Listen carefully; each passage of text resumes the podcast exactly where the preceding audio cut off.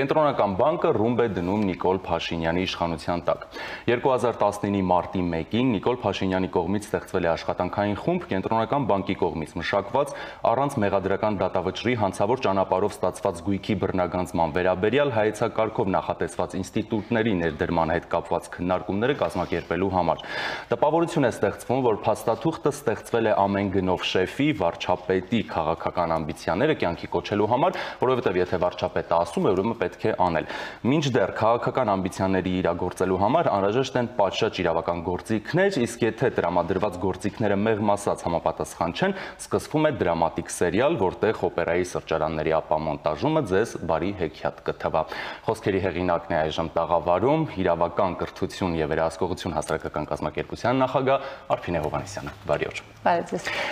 Տիկին Հովանեսյան իհարկե շատ խիստ է գտնվել բարերի ընտրության հարցում եւ կխնդրեմ շատ չխորանալով, չմտնելով իրավական տիրույթ, པարզ մարդկային ձևով բացատրենք, հասկանանք ինչու՞ն է կանոնում ձեր մտահոգությունը, ինչու է պետք անհանգստանալ։ Նախ շնորհակալ եմ հարցադրումը բարձրացնելու եւ հնչեցնելու համար։ Թեման բավական բարդ է ձեր ուզած, ձեր ցանկացած པարզ մարդկային լեզվով շարադրելու համար, բայց ես կանեմ առավելագույնը, որպեսզի հնարավորինս մաչելի շարադրեմ։ Խնդիրն այն է, որ իրականում ես համարում եմ, որ կենտրոնական բանկի կողմից մշակված փաստաթուղթը եւ կենտրոնական բանկի կողմից վարչապետ Փաշինյանին տրամադրված փաստաթղթերը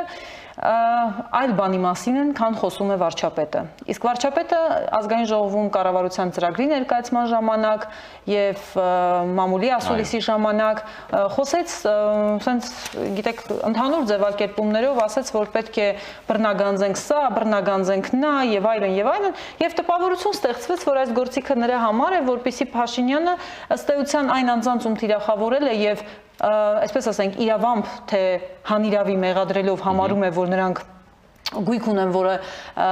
ապօրինի կերպով է ձեռք բերվել, պետք է վերադարձնեն։ Բանն այն է, որ այս գործիքը աշխարհում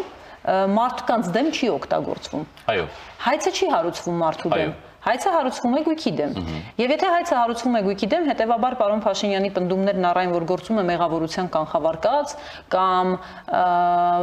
այս հյուսիսային պողոտայի 3 հարկանի բնակարան, հողատարածքներ, չգիտեմ ինչեր, իդեպ շատ հետաքրքիր կլինի, եթե այդպիսի բռնագանձում անեն, վաղը մյուսօր եվրոպական դատարանը կհամարի, որ վարչապետ Փաշինյանի կողմից դա քաղաքական հայտարարություն է եղել, ինչև է Աստված տա, որ հենց այդ գույքը չբռնագանձեն, որտեղ պարզվի, որ վարչապետը ի սկզբանե թիրախավորել էր ինչ որ մեկին։ Կամ գուցե արդեն պրոցես պրոցեսներ կան եւ տեղյակ են։ Պրոցեսներ չեն կարող լինել այս գործիքի շրջանակներում, որովհետեւ դեռևս չի ընդունվել, բայց ես ինչ եմ ուզում ասել։ Ուզում եմ ասել, որ այս ինստիտուտը որը կենտրոնական բանկը հերոսաբար փորձում է ներկայացնել որպես փողերի լվացման, ահաբեկչության դեմ ֆինանսավորման պայքարի եւ թմրանյութերի ապօրինի շրջանառության դեմ պայքարի գործիք, շատ ճիշտ է անում։ Իրականում այդ գործիքը միջազգային պրակտիկայում առավել հաճախ տարածված է, օրինակ նույն Իտալիայում 1956 թվականից գործում է մաֆիայի դեմ պայքարում։ Ինչու՞ն է խնդիրը այս դեպքում։ Խնդիրը այն է, որ մենք օտար մարմին ենք պատվաստում մեր իրավական համակարգ, կարծես օրգանիզմի մեջ օտար մարմին պատվաստես եւ հույս ունենաս, որ քո օրգանիզմը այն կընդունի։ Այս ինստիտուտը չի գործում այնպիսի երկրներում եւ այնպիսի վատ դատական համակարգ ունեցող երկրներում, ինչպիսին Հայաստանի Հանրապետությունն է։ Բայց կներեք այստեղ ձեզ ընդհատեմ, դատական վատ համակարգը նշում են, որ ժառանգել են նաև ձեր իշխանությունից եւ այս ինստիտուտի ներդրման քննարկումները մեկնարկել են ձեր իշխանության օրոք եւ քննարկումները ավարտվել են 2017-ին, որից հետո արդեն պետք է սկսվեր ինստիտուտի ներդրման process-ը։ Գիտեք, ես դժվար դատական համակարգը այս 1 տարվա ընթացքում այնքան վատանար, որ չկարողանար նաեւ որոնց դրության հետ սինխրոնացվի այս ինստիտուտը։ Նախ թույլ տվեք ասել, որ ես համարում եմ, որ դատական համակարգը վատացել է, եթե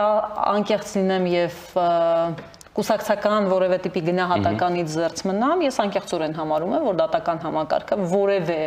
որևէ առաջընթաց չի արձանագրել։ Ի տարբերություն այս իշխանության նախորդ ժամանակահատվածում երբեք որևէ մեկը չի ասել, որ դատական համակարգն այն, այնքան անկախ է։ Վայ դուք չգիտեք ինչ անկախ է։ Ես մեկ այդպիսի պնդում չեմ արել, լինելով արդարադատության նախարար, որովհետև ես իրականությանը բաց աչքերով եմ նայել։ Գիտեմ, որ եղել են խնդիրներ, գիտեմ, որ դատական համակարգը անկախ չի եղել, բայց ես այդպիսի պնդում չեմ արել։ Այսօրվա իշխանությունը անում է այդպիսի պնդում, բայց դուք հո տեսնում եք, Լավ, դուք լսում եք։ Որ նրանք չեն ազդում։ Չէ, իրենք ինչպես։ Որ չեն ազդում դատարանների վրա, ճնշում չեն գործում։ Հայտնի գաղտնալսումները ոչ մի բանի մասին են։ Հասկացա։ Եթե մենք մտածում ենք, որ այդ գաղտնալսումները ոչ թե դատական համակարգի վրա է ճնշում գործադրվում, այլ օրինակ փաստվում է թե ինչքան լավն է, ինչքան անկախ է դատական համակարգը, կարող ենք շատ լավ այդպես ծափահարել ու անցնել Եթե գաղտնալսումների մեջ խորանանք, այնտեղ նաև դրվագ կա, որ ֆիքսում են, որ դատավորն է վախենում։ Այստեղ արդեն կարող է թե ում անձի մասին է խոսքը։ Իսկ նայեք, եթե Բայց խորանանք դրա մեջ։ Չէ, եթե դուք մի րոպե, եթե դուք անում եք որևէ ակնարկ եւ ուզում եք այսպես ուղակի անցնեք արդյունքում ստեղծելով տպավորություն ունեմ, այդ եթե ձայնագրությունների թեման պետք է խոսենք, ուղղակի հակառակ կողմը եւս կա։ Մենք չենք խոսում, դա հակառակ կողմ չէ։ Դատավորը վախենում էր մի քիչ կալանք տալ, բայց ասացի դուխով։ 1 Երկրորդ, դատավորին ասացի դե գրավով կփոխարինի։ Դատավորն է, փաստորեն ՀԿՑ պետն է որոշում դատավորը ինչ անի։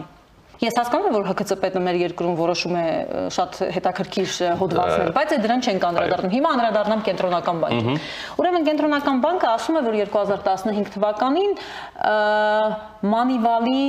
պարտավորությունների շրջանակում սա եղել է, այ ինչ ամոթ է, որ մենք դա չենք ներդրել, իրականում այստեղ մի փոքր բառախախ կա, անգլերեն տեքստը երբ նայում եք, դա պարտականություն չի հնչում, ընդհանրեն ասում է Հայաստանը պետք է,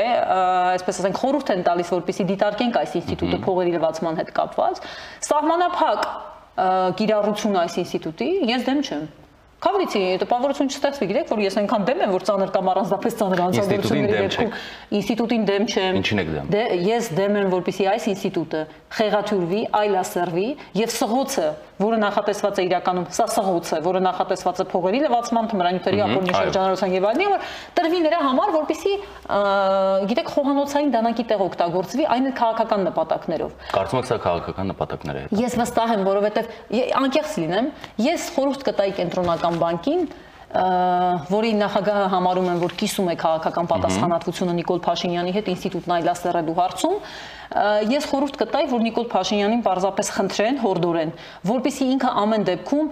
էմոցիաների ազդեցության տակ, սա անկեղծ եմ ասում, անկեղծ իմ պնդումն է եւ գիտեք, հա, այսպես շատ կուզենայի, որ իրականում վարչապետը այդքան հավասարակշռված լիներ, որpիսի ինքը չխոսի այս թեմայի մասին, որովհետեւ երբ ինքը խոսում է, անում է քաղաքական հայտարարություններ, ակնհայտ է դառնում, որ իր նպատակը ոչ թե այդ 2015-ին մեզ խորհուրդ տրված պարտավորությունների կատ կատարումն է, այլ նպատակը բոլորովին այլ բան է։ Եվ իր նպատակը այն է, որ երբ քրեական հետապնդումն իրականացնող մարմինները խնդիր ունեն ապացուցման հետ կապված, ինքը դա բերում է քաղաքացիա իրավական տիրույթ եւ այնտեղ շատ շատ ցածր ապացուցողական շեմով, սա իրավական մի փոքր թեմա է, բայց իրենց համար եմ ասում, որ տպավորություն չստեղծվի, գիտեք, որ որևէ մեկը չգիտի ինչի մասին է խոսքը։ Պետք չի դասախոսություններ կարդալ։ Եվ քաղաքացիա իրավական ապացուցողական շեմի պայմաններում քաղաքական նպատակներով օգտագործվի որպես գործիք։ Ես մի քանի օր լուր հետևում էի, թե ինչպես են կենտրոնական բանկի ուրեմն շահերը, այսպես ասանք, շահերը ներկայացնող տարբեր իրավաբաններ Facebook-ում նյութեր տարածում, որ գիտեք, սա վերաբերում է գույքի բռնագանձմանը, սա գույքի դեմ է, սա in rem այսպես կոչված բռնագանձումն է։ Քալիցի, բայց ով է ուրիշ բան ասել։ Բայց ձեր գրած փաստաթղթում, որքան է դուք գուցե ավելի լավ նյութեր ունեք, դուք բոլորովին ոչ վերաբերելի վերլուծություն եք արել։ Ասեմ ավելի, երբ ասում են 2017-ին ավարտել ենք, կարող է 2017-ին դուք ձեր ներսում մշակել եք մի փաստաթուղթ փողերի լվացման համար։ Բայց դուք 2017-ի փաստաթուղթը 2018-ի նոյեմբերին առաջին անգամ շրջանառել եք արդարադատության նախարարությունում, ուղարկել եք բոլորովին այլ նպատակի համար։ Եվ այսպես ասեմ, կներեք ես բառն օգտագործելու համար, լայախ չեք արել վերանայել որ 2018 թվականի դրությամբ այնտեղ բազմաթիվ փոփոխություններ են եղել Եվ այդ փոփոխությունները պետքա Նիկոլ Փաշինյանին ճիշտ ինֆորմացիա տալու համար են անհրաժեշտ։ Իմ խնդիրը դա է, որ ես իրենց եմ նաև մեղադրում։ Եթե անգամ ձեր կարծիքը հա քննարկեն քաղաքական, եթե այստեղ ենթատեքստ կա այս ինստիտուտի ներդրման մեջ կամ դրա կիրառելիության մեջ, ապա այստեղ տրամաբանական հարց հարց է առաջանում։ Եթե չկան անցյալին վերաբերող իրավախախտումներ, հակաօրինական գործարքներ եւ այլն ինչու ենք անհանգստանում մենք ան, իմ անհանգստությունը անցյալին վերաբերող ինչ որ վերացական կամ նույնիսկ առարկայական խախտումներ ինչի վերաբերում ես համարում եմ որ Հայաստանի Հանրապետությունը չի կարող բացել մի Պանդորայի արկղ անընդհատ, որտեղ անընդհատ ու անընդհատ կհայտնվենք շրջապտույտի մեջ, որտեղ քաղաքական նպատակի համար գործիքն օգտագործելուց հետո հանկարծ կարող է ողջվել, որ ընդամենը 2 տարի անց մարդու իրավունքների եվրոպական դատարանը սեփականության իրավունքի հետ կապված խնդիր արձանագրի։ Այդ մարդուց հետ վերցրած օրինակ, որը Նիկոլ Փաշինյանը համարել է, որ այ իրենից պիտի վերցնեն, դրա համար եմ ասում քաղաքական գործիք այդ մարդու հետ չի մի հատ իրանից վերցրածը հետ տան Հələ մի հատ է պետությունը փոխհատուցի այդ մարդուն։ Օրինակ դուք ձեզ նսեմացված չեք, զգա այդ ժամանակ։ Այստեղ եւս գնում ենք վերացական դաշտ։ Մենք փորձում ենք գուշակություններ անել։ Գուշակություն չենք անում։ Ես ձեզ երաշխավորում եմ։ Եթե գործիքը կիրառվի այնպես, ինչպես նախատեսվում է, եթե գործիքը կիրառվի այնպես, ինչպես քաղաքական իշխանության քիմքն է ու ճաշակն է թելադրում, ես ձեզ հավաստիացնում եմ։ Եթե ձեր իշխանությունը հնարավորություն ունենար, ինչպես էր կիրառելու այս ինստիտուտը։ Սա կլիներ սահմանափակ կիրառության գործիք, ապացուցման հստակ ծանրակշիռ բեռը դնելով, պետության վրա դնելով հստակ ծանրակշիռ բեռ եւ ոչ թե այն բեռը, որ իրենք նախատեսում են, բայց հա շատ իրավական է, որպեսզի ես դες հիմա դրանով ծանրաբեռնեմ եւ մեր ունկնդիրներին, հա, կլիներ հստակ կիրառություն եւ շատ նորմալ վիճակում կաշխատեր ինստիտուտը, որտեղ փողերի լվացման դեմ պայքարի գործիքները իրականում շատ տարբեր են եւ դուք երբեւե չեք են լսել, որ որևէ մեկը այդ շրջանակներում բողոք արտահայտի սեփականության իրավունքի հետ կապված, բայց երբ խոսում են մարդու մեղավորության կանխավարկածի մասին, ի դեպ կենտրոնական բանկը պաշտպանող իրավաբաններն են նշել, որ դա абսուրդ է այդ մասին խոսելը չկա այդպիսի թեստ։ Ուղղակի չկա այդպիսի բան։ Շատ լավ, թեման շատ ծավալումն է, մենք պետք է անդրադառնանք տարբեր հարցերի, այո, կխոսենք դեռ ժամանակի ընթացքում, անդրադառնանք ձեր գործունեությանը, դուք կասեցրել եք ձեր անդամությունը հանրապետական կուսակցությանը, ինչ նպատակով, արդյոք հանրապետականների մերժված լինելու փաստներ, արդյոք ձեզ համար հեղինակության խնդիր էր, որ կասեցրեցիք ձեր անդամությունը հանրապետականին եւ որքանով է հանրապետականի ձեր անդամության կասեցումը հա տեղավորվում կուսակցության ռեբրենդինգի շրջանակում։ Հարգելի ջիրեր, ես հույս ունեմ, որ դուք կարդացել եք իմ գրառումը։ Այո։ Ահա։ Եթե գրառումը կարդացել եք, ապա ձեզ համար ակնհայտ պետք է լիներ մի բան, որ իմ կասեցումը չի վերաբերում ոչ մերժված լինելուն, ոչ հեղինակության խնդրին, ես համարում եմ, որ հեղինակություն ձեռք են բերում գործողություններով, ոչ թե սրան նրան մերժելով կամ հակամերժելով, ինչպես ասում են, եւ այս շրջանակներում իմ գործունե իմ կասեցումը պայմանավորված էր այն բարձ հանգամանքով, որ ես հասարակական կազմակերպություն եմ ուրեմն հիմնադրել եւ համարում եմ, որ հասարակական սեկտորը պետք է փորձի նվազագույնը փորձի, որովհետեւ մենք տեսնում ենք, որ շատ-շատերը տարիների ընթացքում այդպեսին չեն եղել, լինել անաչառ։ Հիմա իմ գործունեության ընթացքում ես երբևէ քավլիցի չեմ խորշում քննադատել թե նախորդ տարիներին եղած թերությունները եւ չեմ խորշում քննադատել այժմյան իշխանություններին մի པարզ նպատակով։ Անկեղծորեն նպատակս մեկն է այս իշխանություններին թեկուս քննադատության, բայց ոչ թե մերկապարանոց վիրավորական քննադատությամբ ցույց տալ, որ այս մի բանը այսպես է պետք անել։ Սխալ եք անում պետության համար ենք ասում, չենք ասում, որտեվ մենք գիտեք, ձեր դեմ ենք եւ անպայման ամեն գնով ուզում ենք սեվացնել։ Շատ լավ։ Ես այդպեսի մղում չունեմ։ Ձեր քննադատները կամ այն քաղաքական թիմի, որին անդամակցում եք, շատերը նշում են, որ դուք ձեր հրապարակային գործունեության մեջ հանդես եք գալիս երկրորդ նախագահ Քոչարյանի պաշտպանությամբ արդյոք քաղաքական համակրանք ունեք Քոչարյանի նկատմամբ, թե դուք ուղակի իրականացնում եք հանրապետականի, հա, այսպես կուսակցական որոշումը, օրինակ, որովհետև շատերը քննադատում են, ասում են հանրապետականները մանավանդ առանցքային դեմքերը դուք էլ այդ թվում, կարծես շատ անձնական ձևով են վերաբերվում Քոչարյանի շուրջ ստեղծված իրավիճակին։ Կարծում եմ նախորդ հարցը, որ դուք տվեցիք, պետք է ինձ չտայիք նաև արդեն կուսակցական բնույթի հարց։ Դուք ինձ տալիս եք կուսակցության դիրքորոշմանը վերաբերող հարց, եթե խոսքը վերաբերում է, եկեք տարանջատենք, եթե խոսքը վերաբերում է կուսակցական դիրքորոշմանը, ապա կուսակցության տարբեր պաշտոնատար անձինք արտահայտել են հստակ դիրքորոշում։ Եթե ինձ եք հարցնում, ապա ես այստեղ առաջին հերթին ոչ թե անձի խնդիր եմ տեսնում Քավլիցի, ես երբևէ որևէ հարցում անձնավորում չեմ դրել ու չեմ տեսել։ Ես համարում եմ, որ եթե որևէ դիրքորոշում արտահայտում եմ այդ հարցի կապակցությամբ, դա բացառապես իրավական տիրույթում է։ Իրավական տիրույթում ես այդ հարցում Ռոբերտ Քոչարյանի հետ կապված խնդրում տեսնում եմ միանշանակ։ Չկա այնպիսի իրավաբան, անկախ նրանից նրանք վախենում են խոսել, հնարավոր հայհոյանքներից ուրեմն կաշկանդվում են, խոսում են թե ոչ, հնարավոր չէ հավանական, ուրեմն հավանականության բարձր տեսությամբ տեղ գտնող հայհոյախառը մեկնաբանություններից խորշում են թե ոչ, որպեսի տեսակետ արտահայտեն։ Բոլորը գիտեն, որ դա իրավական խնդիր, լրջագույն իրավական խնդիր կա, որ մեղադրանքը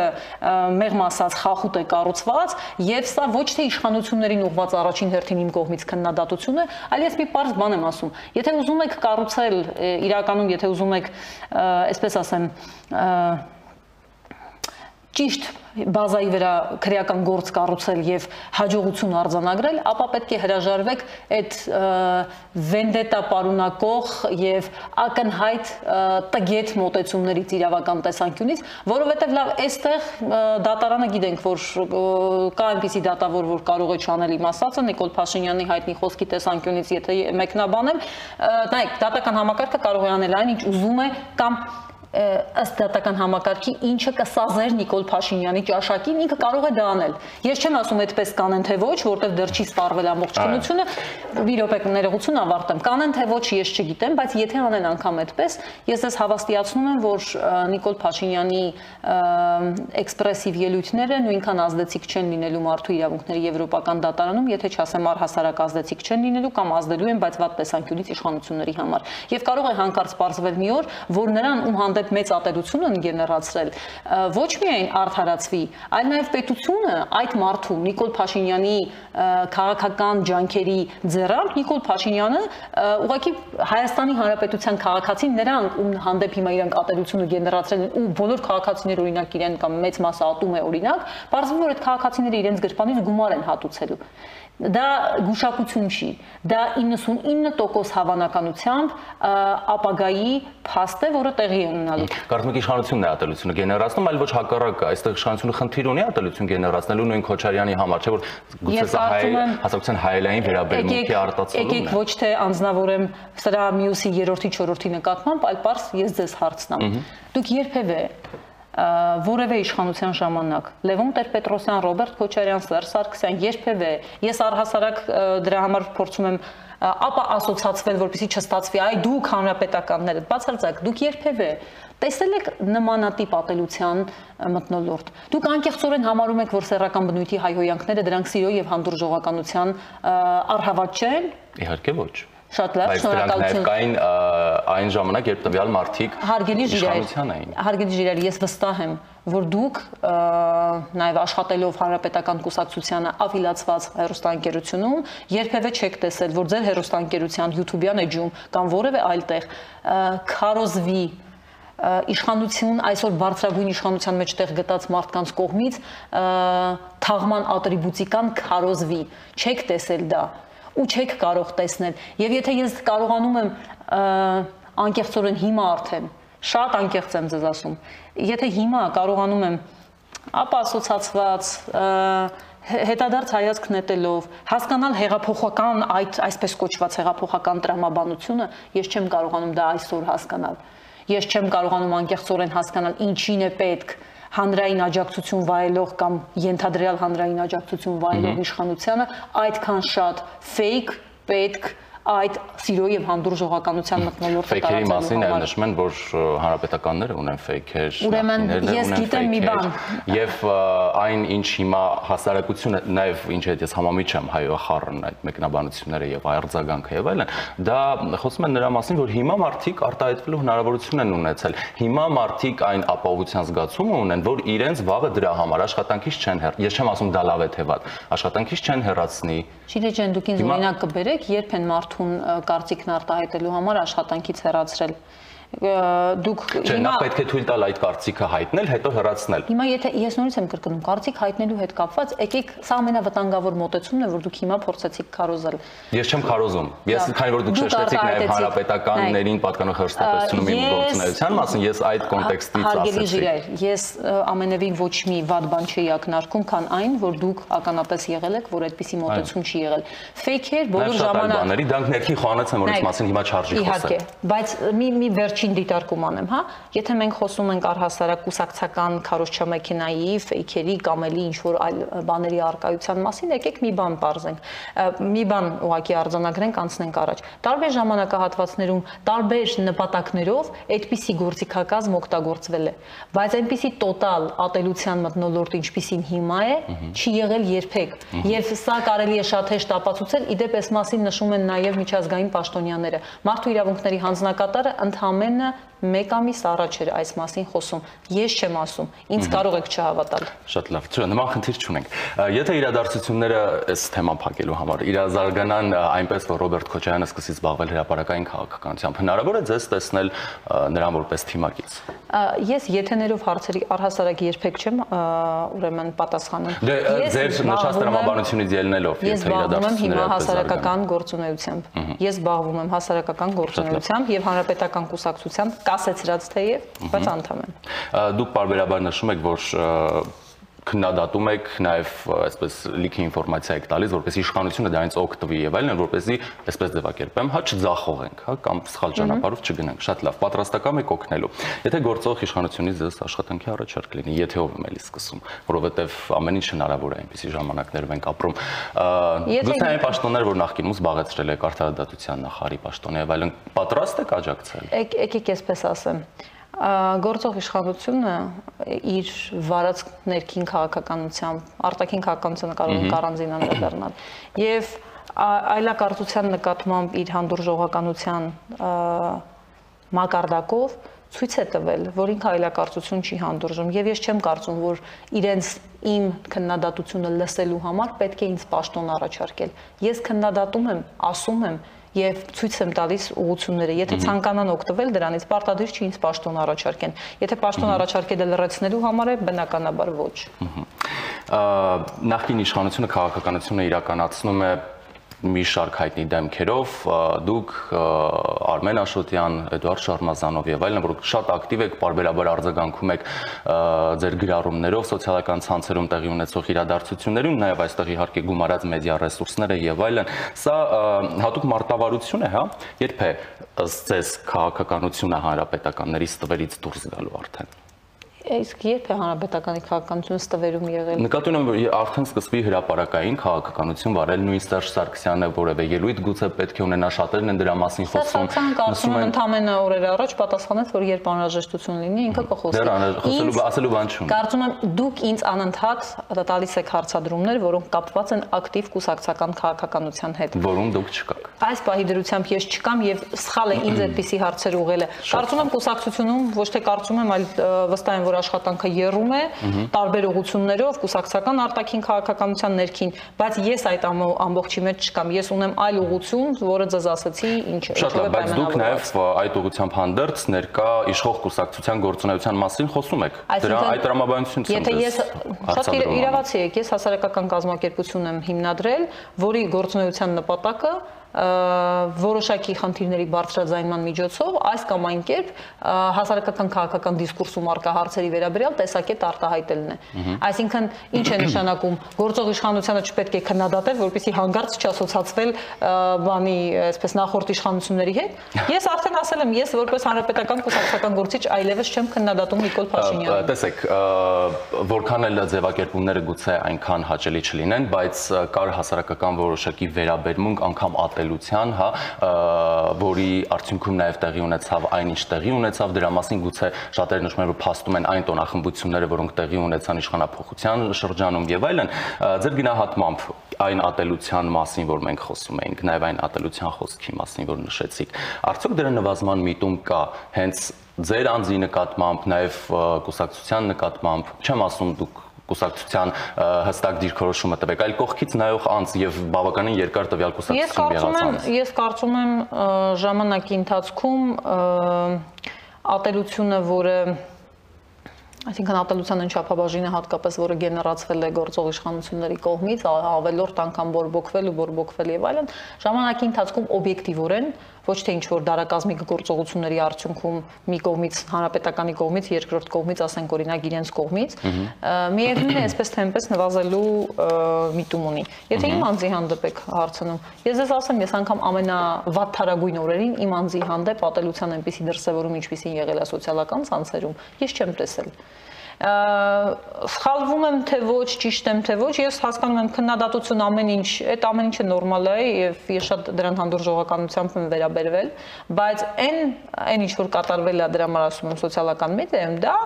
եղել է ուղղորդված, գեներացված, բորբոքված եւ դրա համար պատասխանատվություն կրում է եւ կրելու է քաղաքական իշխանությունը, ոչ թե դա որտեվ Նիկոլ Փաշինյանն է։ Ցանկացած քաղաքական իշխանություն անունը փոխեք ու ուզում եք դրեք, իմ վերաբերմունքը կլինի նույնը, որովհետեւ սա մարդու իրավունքների եվրոպական դատարանի մոտեցումն է նաեւ իդեպ ասեմ ձեզ առաջիկայում կտեսնեք մանրամասն զեկույց, որ դրա քաղաքական իշխանությունն է պատասխանատու երկրում այդպիսի մտնոլորտի համար։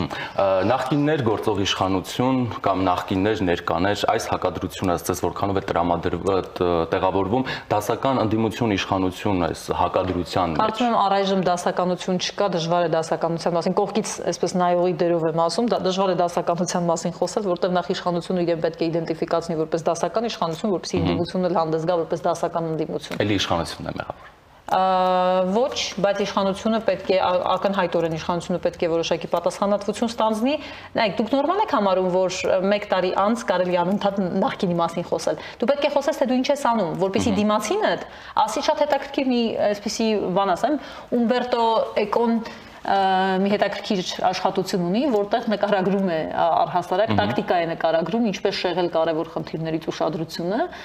Ինքը Սիլվիո Բերլուսկոնիի վրա է օրինակը բերում եւ այն, բայց շատ հետաքրքիր իրականում տակտիկա է, ասում է, երբ ուզում ես ուշադրությունը շեղել ինչ-որ բանից, անպայման այնպեսի մի այնպեսի մի այսպես պայթյունավտանգ մի բան ես ասում, որ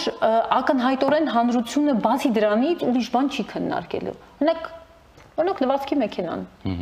Հանրությունը ուրիշ ոչինչ չի քննարկելու։ Միայն դա։ Ես չեմ ասում լավ է կամ վատ է, ճիշտ արեց, սխալ արեց, ամենևին։ Քավլիցի ինձանից գնահատական չեք կորզի եթե նույնիսկ շատ ուզենակ։ Ես ընդհանրապես արձանագրում եմ փաստ։ Իշխանությունը միշտ կարող է անել ֆանտաստիկ հայտարարություններ, որ ինքը ակնհայտ գիտիս Նիկոլ Փաշինյանը փայլուն մանիպուլյատոր է եւ տիրապետում է այդ արվեստին, որ ինքը ակնհայտորեն գիտի ընդդիմությունը իր ընդդիմախոսները զերծ չեն մնալու Ձերընպաղ չեն մնալու, պարտադիր պետք է արձագանքեն ու ինքը միշտ կստացվի այդպես մի բան է անում ու քննադատում են։ Այդպես չի ամենակարևոր խնդիրներից ուշադրությունը շեղող հիմնական գործիքակազմը հենց դա է փայլուն տիրապետում է պարոն վարչապետը այդ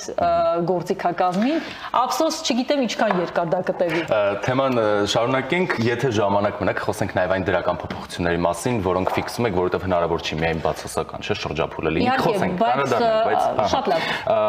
հարցից տրամաբանությունը գուցե ձեզ թվա մի քիչ վերացական կամ շատ փիլիսոփայական բայց կխնդրեմ ավելի ռացիոնալ պատասխանենք հարցից հարապետականները ըստ ձեզ վերադարձի շանս ունեն թե ոչ եւ ինչու Նիկոլ Փաշինյանի իշխանությունից հիասթափված քաղաքացին պետք է իր ձայնը վստահի հանրապետականին։ Նայեք, ես այս հարցին չեմ պատասխանի, որ չէ, ճիշտ չէ ինձ այդ հարցադրումն ուղղել։ Ես նորից եմ ասում, հանրապետական կուսակցությունը ակտիվ աշխատանքի մեջ է։ Սա կարող եմ ասել, որտեվ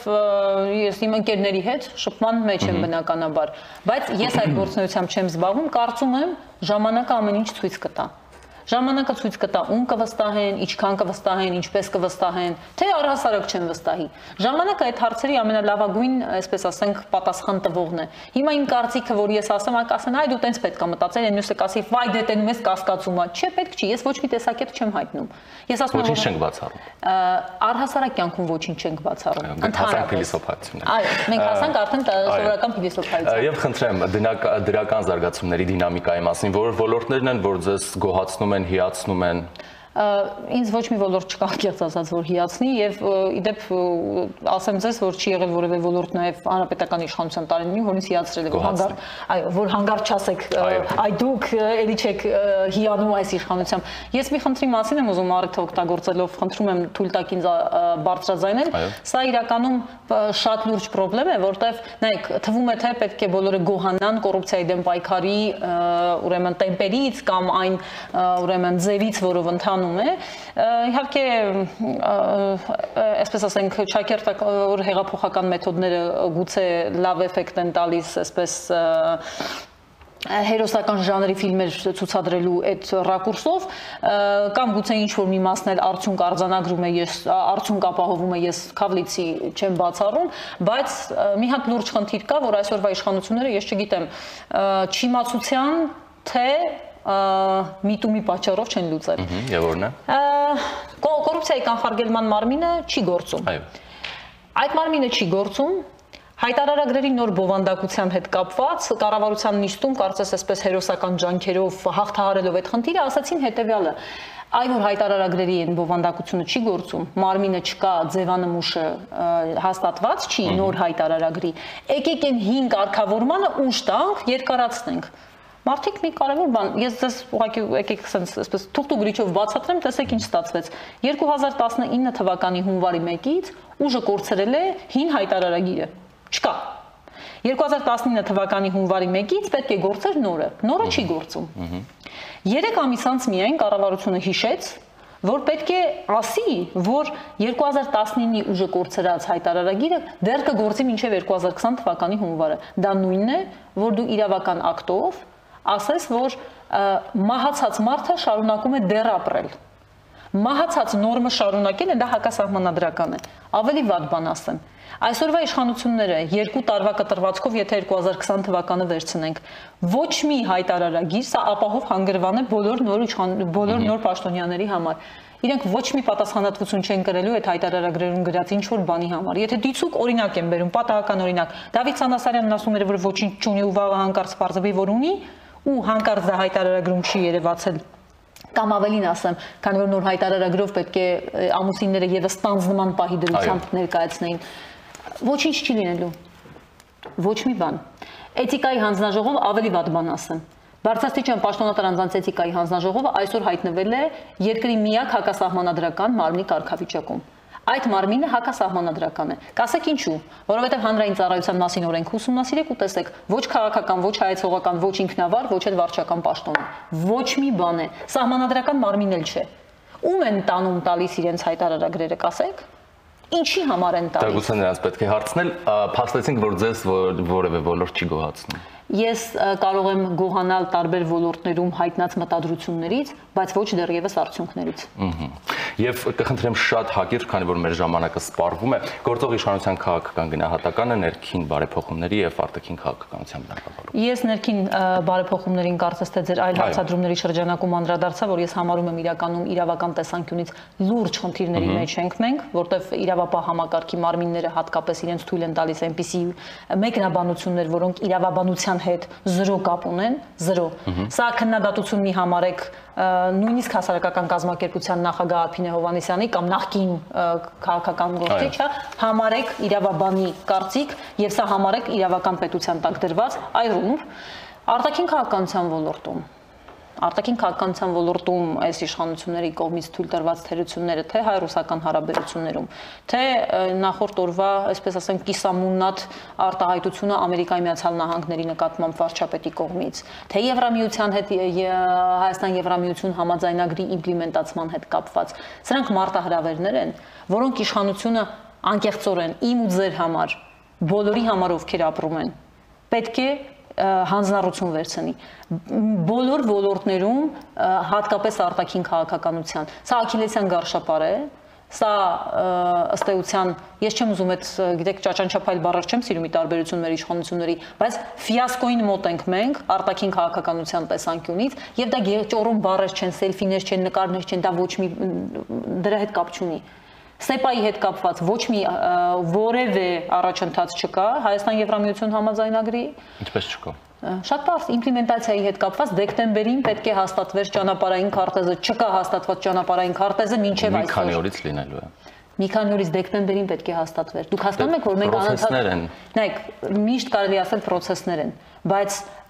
երբ կլինի մի քանի օրից, այդպես էլ մի քանի օրից կբարձրանա սա, մի քանի օրից կանենք սա, երբ կանեն, Ես առաջինը կասեմ, շատ լավ, բայց որ փաստ է, որ ուշացրել են, ու այդ ուշացումը որևէ պատճառաբանություն չունի, քան այն, որ պարզապես մարդիկ ուղղակի չգիտեն կամ դանդաղում են կամ չգիտեմ էլի ինչ որ մի բան, դա ակնհայտ է։ Կցանկանայի դրական նոտայով ավարտենք մեր հաղորդումը։ Ավարտենք։ Շատ լավ։ Շնորհակալ եմ։ Ես էլ։